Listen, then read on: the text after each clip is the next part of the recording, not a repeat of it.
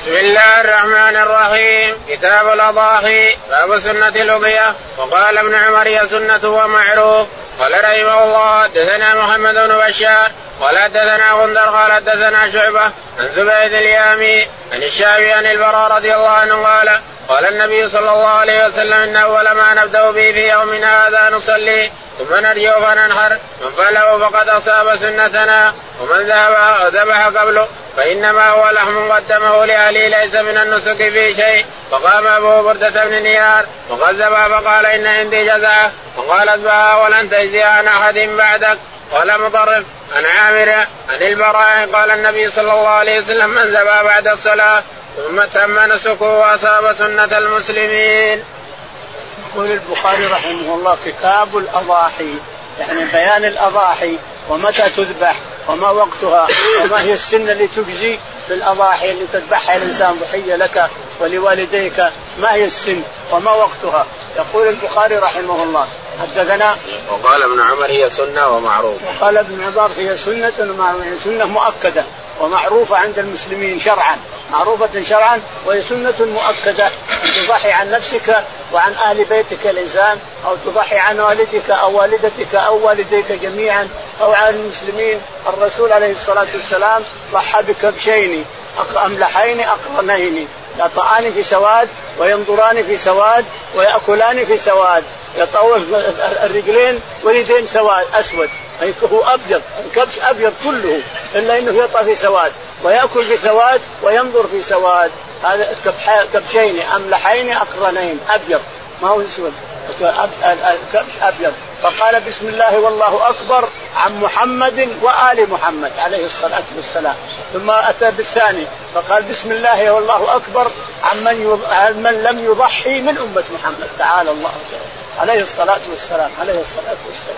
من لم يضحي من أمة محمد ضحى له الرسول عليه الصلاة والسلام. واما الأول فهو عن محمد وآل محمد الحي والميت. هذا يرد على بعض إخواني في يومنا هذا يقول لا الميت ما تضحي عنه. ما تجمع حي وميت وتضحي عنهم. هذا الرسول جمع عليه الصلاة والسلام. الكبش الأول قال بسم الله والله أكبر عن محمد وآل محمد. وآل محمد فيهم أحيا وفيهم موتى. حمزة ميت والعباس حي. فيهم أحيا وفيهم موتى. ضحى عنهم الرسول عليه الصلاة والسلام. وما أبشع وما أحزن من يفتي أحاديث ظاهرة مثل الشمس. أحاديث عن الرسول مثل الشمس ومع هذا يفتي بخلافها. هذه من المشاكل اللي خرجت في ايامنا هذا. لا تضحي عن الأحياء والموت من أجدادك واهل سبحان الله سبحان الله. الرسول يضحي عن الأحياء والأموات من آله ويضحي عن من ما عن, عن أمة محمد عن جميع أمة محمد الكبش الثاني. منهم أحيا ومنهم أموات. وأنت تقول لا ما ترد أحاديث الرسول؟ هذه من المشاكل اللي وقعت في زماننا هذا. خرجت في زمان يرد الحديث الصريح اللي مثل الشمس. يقول البخاري رحمه الله حدثنا محمد بن بشار.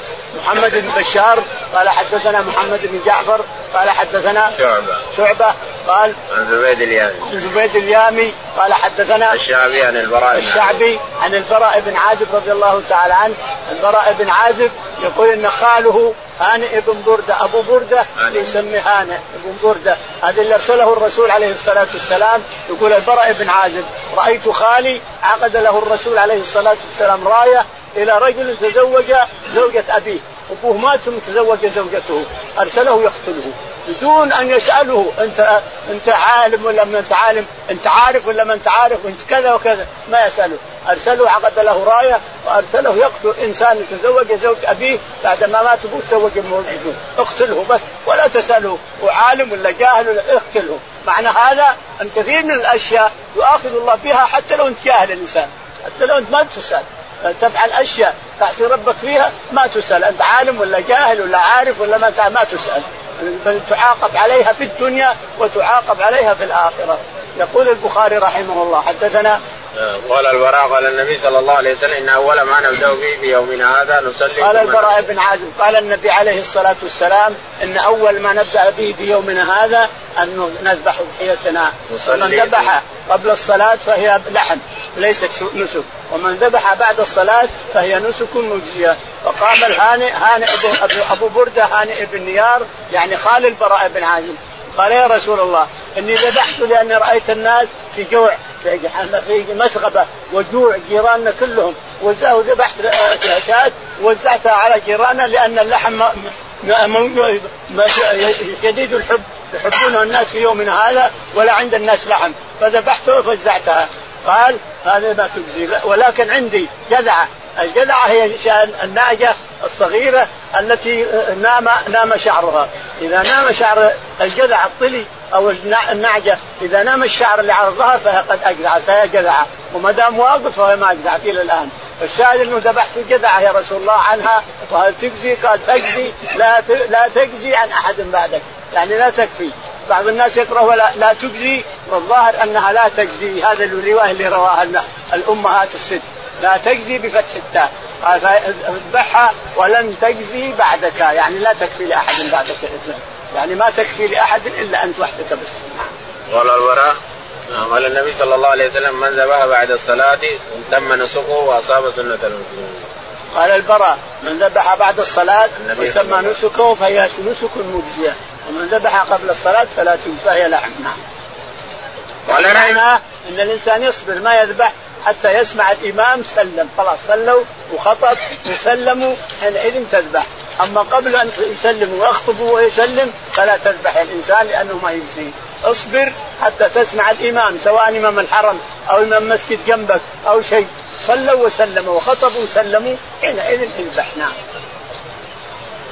قال رحمه الله حدثنا مسدد قال حدثنا إسماعيل عن أيوب محمد عن أنس بن مالك رضي الله عنه أنه قال قال النبي صلى الله عليه وسلم من ذبح قول الصلاة فإنما ذبح لنفسه ومن ذبح بعد الصلاة فقد تم نسكه وأصاب سنة المسلمين.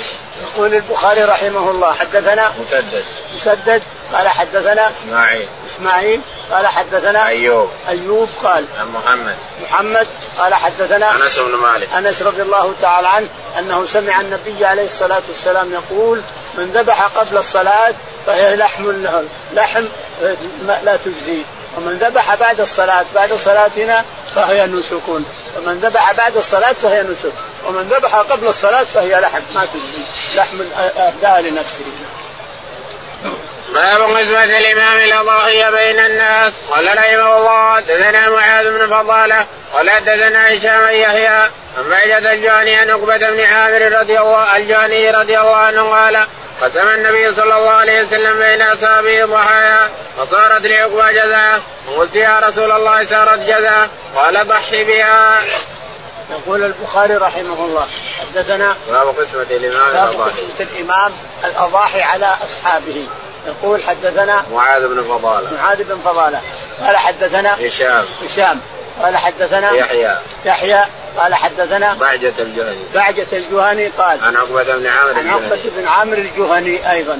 قال قسم النبي صلى الله عليه وسلم بين أصحابه ضحايا. يقول أن النبي عليه الصلاة والسلام قسم بين أصحابه ضحايا وبقي جذعة. فأعطاني إياها فقلت يا رسول الله هذه جذعة. قال ضحي بها ضحي بها. يعني تجزيك جذعة تجزي عنك نعم. باب الأضحية للمسافر والنساء. قال رحمه الله حدثنا مسدد قال حدثنا سفيان عن عبد الرحمن بن القاسم عن ابي عن عائشة رضي الله عنها أن النبي صلى الله عليه وسلم دخل عليها وحاضت بسرف قال أن تدخل وهي تبكي. فقال ما لك يا نبس قالت نعم. قال إن هذا أمر كتبه الله على بنات آدم فاقضي ما يقضي الحاج غير أن لا تطوفي بالبيت. فلما كنا بمنى أتي بلحم بقر فقلت ما هذا؟ قال ضحى رسول الله صلى الله عليه وسلم عن أزواجه بالبقر. يقول البخاري رحمه الله باب الأضحية للمسافر والنساء. الأضحية عن المسافر وعن النساء ولو ما علمنا ولو ما علمنا وعن المسافر أيضا يقول هذه الضحية عن فلان وهو مسافر يجزي جازي وكذلك النساء ولو ما علمت يجزي أيضا يقول البخاري رحمه الله حدثنا مسدد. مسدد قال حدثنا سفيان. سفيان. قال حدثنا عبد الرحمن بن القاسم عبد الرحمن بن القاسم عن أبيه. عن أبيه القاسم بن محمد عن عائشة عن عائشة. رضي الله تعالى عنها أنها حاضت بسرف حاضت بسرف ودخل عليها الرسول عليه الصلاة والسلام وهي بسرف تبكي فقال ما لك يا حطي؟ قالت نعم يا رسول الله. يعني هي محرمة بالحج فقط. فلما رآها تبكي قال هذا شيء قد كتبه الله على بنات آدم. شيء الحيض كتبه الله حواء من أول. على بنات آدم. لكن أحرمي بالقرآن. أقرني أفسخ الحج واجعله عمره أفسخ العمرة واجعله حج حتى تصيبي السنن ففسخت العمرة وجعلتها حج وأقرأ وجعلته قرآن. فأتت مكة ولبثت أياما ثم طهرت في منى. فأتت إلى فأتت إلى مكة وطافت طواف الإفاضة وسعت مع بعده.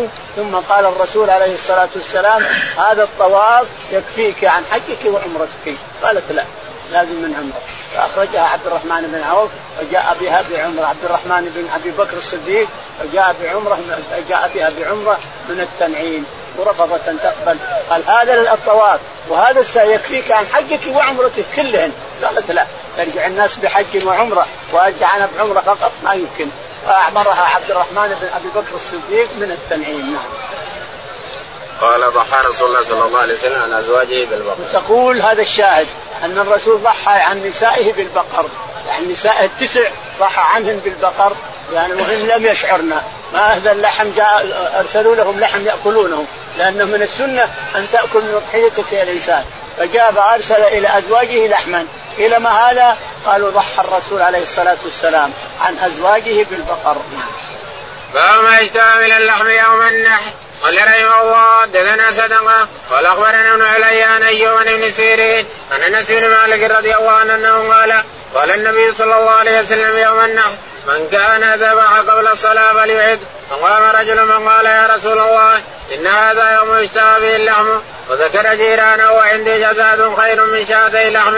فرخص له في ذلك فلا أدري بلغت الرخصة من سواه أم لا. ثم انكفى النبي صلى الله عليه وسلم إلى كبشين فذبحهما وقام الناس إلى غنيمة فتوزعوها أو قال فتجزعوها.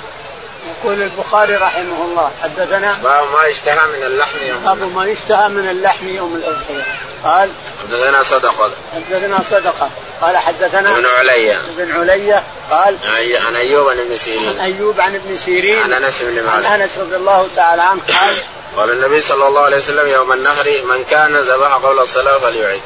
كان يقول أنس رضي الله عنه إن النبي عليه الصلاة والسلام قال من كان ذبح يوم النحر فليعد ومن يوم النحر يعني قبل قبل قبل الصلاة. قبل الصلاة فليعد ومن كان ذبح بعد الصلاة فهو فهي مقبول سنة مقبولة. نعم.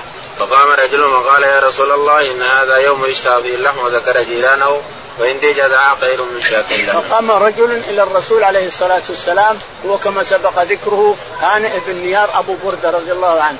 يقول البراء بن عازب خالي هانئ بن نيار. فقام قال يا رسول الله إني ذبحت قبل الصلاة لأن الناس بحاجه إلى الاكل إلى اللحم. ما عندنا اللحم. يحتاجون اللحم اليوم هذا. وزعته على جيراني. وعندي جذعة. أحسن عندي من من عشر نعاج. فقال ضحي عنها ولن تجزي عن أحد بعدك. نعم. قال هنا فلا أدري بلغت الرخصة من سواه. قل فلا أدري بلغت لا ما بلغت الرخصة ما بلغت. خصها خص بها أبو بردة بن نيار نعم. ثم انكفى النبي صلى الله عليه وسلم إلى كبشين فذبحهم. ثم انكفى النبي عليه الصلاة والسلام إلى كبشين كما سبق أملحين أقرنين يطعان في سواد وينظران في سواد ويأكلان في سواد اثنين بيض كلهن والظاهر انهن كمل في لحمهن يعني حتى فحل هذا فحل وهذا فحل ولهن قرون الاثنين هذول فذبح واحد عن محمد وآل محمد وواحد من لم يضحي من أمة محمد عليه الصلاة والسلام. باب من قال لا دعا يوم النحر. قال رحمه الله حدثنا محمد بن سلام. قال حدثنا عبد الله قال حدثنا ايها محمد. عن ابن أبي بكر عن أبي بكر رضي الله عنه. عن النبي صلى الله عليه وسلم قال الزمان قد استدار كياتي يوم خلق الله السماوات والأرض. السنة اثنا عشر شهرا. منها أربعة حرم ثلاثة ثلاث متواليات. ذو القاعدة وذو الحجة والمحرم ورجب مضر الذي بين جمادى وشعبان. أي شهر هذا؟ قل الله ورسوله أعلم فسكت. حتى ظننا أنه سيسميه بغير اسمه. قال ليس ذا الحجة. قلنا بلى. قال أي بلد هذا؟ قلنا الله ورسوله أعلم. فسكت حتى ظننا أنه سيسميه بغير اسمه. قال أليس البلدة؟ قلنا فلا قال فأي يوم هذا؟ قلنا الله ورسوله أعلم فسكت. حتى ظننا أنه سيسمي بغير اسم. قال أليس يوم النحر؟ قلنا بلى. قال فإن دماءكم وأموالكم. قال محمد آسف. قال أرادكم عليكم حرام كحرمة يومكم هذا في شهر في بلدكم هذا في شهركم هذا فستلقون ربكم فيسألكم عن أعمالكم. ألا؟ فلا ترجعوا بعضي ظلالا يضي بعضكم رقاب بعض. ألا؟ ليبلغ الشاهد الغائب. فلعل بعد من يبلغ أن يكون أوعاله من بعد من سمعه. وكان محمد إذا ذكره قال صدق النبي صلى الله عليه وسلم. ثم قال ألا؟ هل بلغت؟ على؟ هل بلغت؟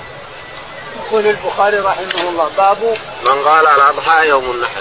من قال الأضحى يوم النحر يعني الضحية يوم النحر اليوم الأول. إن استطعت الإنسان أن تضحي يوم النحر فهو أفضل. أول يوم من يوم النحر يعني يوم العيد يوم عيد الأضحى. يقول رحمه الله حدثنا محمد بن سلام. محمد بن سلام قال حدثنا عبد الوهاب الثقفي. عبد الوهاب الثقفي قال حدثنا أيوب. أيوب قال عن محمد. عن محمد قال عن ابن أبي بكر عن, عن ابن سيرين. قال عن أبي بكرة بن عبد الرحمن عن أبيه أبو بكرة. قال النبي صلى الله عليه وسلم الزمان قد استدار كهيئته يوم قلنا النبي عليه الصلاة والسلام خطب يوم النحر. يعني يقول يسمونه يوم الرؤوس وقال إنه يوم الثاني ثاني العيد ثاني النحر الذي يسمى يوم الرؤوس. يعني الرؤوس تكثر يذبحون الناس وتكثر يكثر كثرة الرؤوس في الأرض. تكثر الرؤوس في الأرض فسمي يوم الرؤوس. يقول الرسول عليه الصلاة والسلام خطب الناس يوم الرؤوس هذا اليوم. فقال أي يوم هذا؟ قالوا الزمان قد استدار قال إن الزمان قد استدار كيوم قد استدار كهيئته يوم خلق السماوات والأرض. الزمان قد استدار يعني تم استدار تمت استدارته. اليوم تمت استدارته. إن الزمان قد استدار. كهيئته يوم خلق السماوات والأرض. ومنها السنة اثنا عشر. شهرا. منها أربعة حرم شوال والقعدة والحجة. ورجب مضر اللي يسمونه رجب مضر. يعني ينسبون رجب إلى مضر لأنهم يذبحون عتيرة وفرع وأشياء ويعظمونه يعظمه مضر فسمي نسب إلى مضر لتعظيمهم له. قال ورجب مضر الذي بين جمادى وشعبان. هذا رجب ثم قال أي شهر هذا؟ أي شهر هذا؟ قالوا الله ورسوله أعلم فسكت حتى ظننا أنه سيسميه بغير اسمه ثم قال أي بلد هذا؟ قلنا الله ورسوله أعلم فسكت حتى ظننا أن سيسميه بغير اسمه قال وأي شهر هذا؟ قلنا الله ورسوله أعلم فسكت حتى ظننا أنه سيسميه باسمه قال أليس هذا يوم النحر؟ قلنا بلى قال ليس هذا بلد البلدة يعني مكة قلنا بلى قال ليس هذا يوم آه، ذي الحجة يعني ذي الحجة قال قلنا بلى. قال إن دماءكم وأموالكم وأعراضكم عليكم حرام. كحرمة يومكم هذا في بلدكم هذا في شهركم هذا. الله. إن دماءكم وأموالكم وأعراضكم عليكم حرام. كحرمة يومكم هذا في شهركم هذا في بلد في بلدكم هذا. قال عليه الصلاة والسلام فليبلغ الشاهد الغائب. وستلقون ربكم وستلقون ربكم وهو سائلكم. وستلقون ربكم وهو سائلكم عن هذا كله. ثم قال يبلغ الشاهد الغائب. فرب مبلغ هو أوعى من سامع. يعني يفهم الكلام يفهم الحديث أو عمن سمع في واحد يسمع هنا وفي واحد أفقه منه ما سمع. فهذا اللي سمع. يبلغ الذي ما سمع هناك فربما يكون أوعى وأفقه باحاديث الرسول عليه الصلاة والسلام. ثم قال ألا هل بلغت؟ قالوا نعم يا رسول الله. قال اللهم اشهد اللهم اشهد اللهم اشهد. عليه الصلاة والسلام. قال ألا فلا ترجعوا بعدي ضلالا يضرب بعضكم. ثم قال لهم ألا لا ترجعوا بعدي كفار ضلالا يعني كفار. يضرب بعضكم ضالين يضرب بعضكم رقاب بعض. رجعوا ظالم صار يضرب يقتل بعضهم بعض ويسب بعضهم بعض. ألا لا ترجعوا بعدي ضلالا يضرب بعضكم رقاب بعض. لا ترجعوا. بعد بعد الرسول عليه الصلاة والسلام بعد موته تضرب بعضكم يضرب رقاب بعض. لا ترجعوا. رجعوا صار بعضهم يضرب بعض. نعم. وكان محمد بن سيرين إذا ذكره قال صدق كان محمد بن سيرين رضي الله عنه ذكر هذا الحديث قال صدق رسول الله عليه الصلاة والسلام رجع الناس بعده يضرب رقاب بعض. نعم. الله أعلم. اللهم اهدنا فيمن هديت وعافنا فيمن عافيت وتولنا فيمن توليت. اللهم توفنا مسلمين وألحقنا بالصالحين.